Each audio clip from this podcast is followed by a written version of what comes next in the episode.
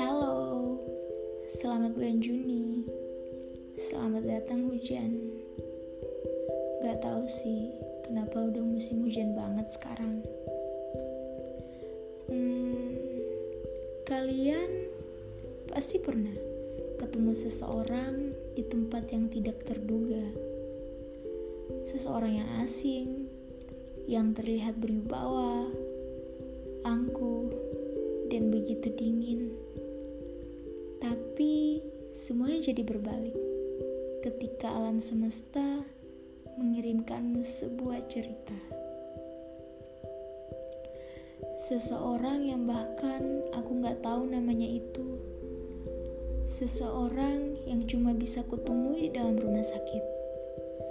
Justru memberiku banyak cerita di tiap pertemuan yang cukup singkat.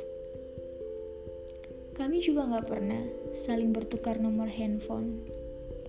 Seolah-olah rumah sakit adalah dunia yang berbeda.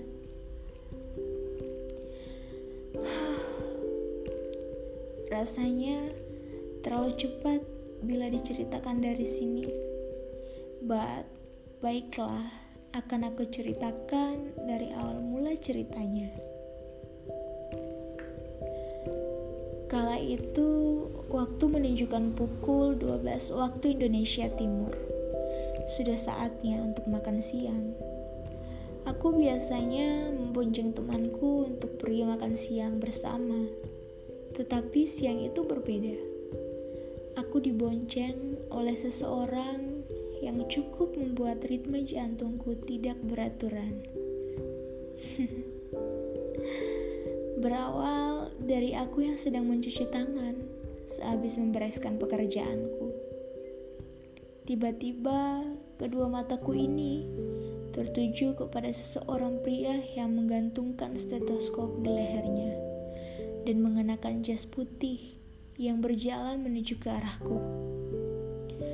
Pria yang memberikanku cerita menyenangkan di tiap pertemuan.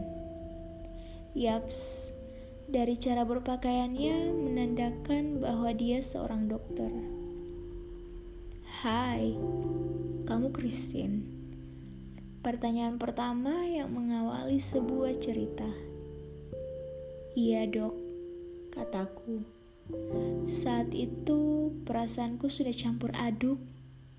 Enam langkah cuci tangan pun sudah tak kuhiraukan. Frekuensi nafas semakin tidak beraturan ketika si dokter itu melontarkan ajakan untuk pergi makan siang bersama.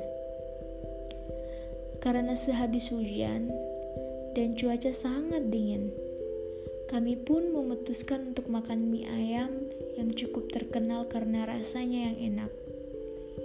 Jaraknya sekitar 2 km dari rumah sakit tempat kami praktek. Sepanjang jalan, kami banyak bertukar cerita mengenai tugas-tugas praktekku. Hmm, sepulang makan siang, tak butuh beberapa menit lagi Aku pun langsung diejek oleh teman-temanku ketika mereka mengetahui di mana tempat aku dan dokter itu makan siang bersama.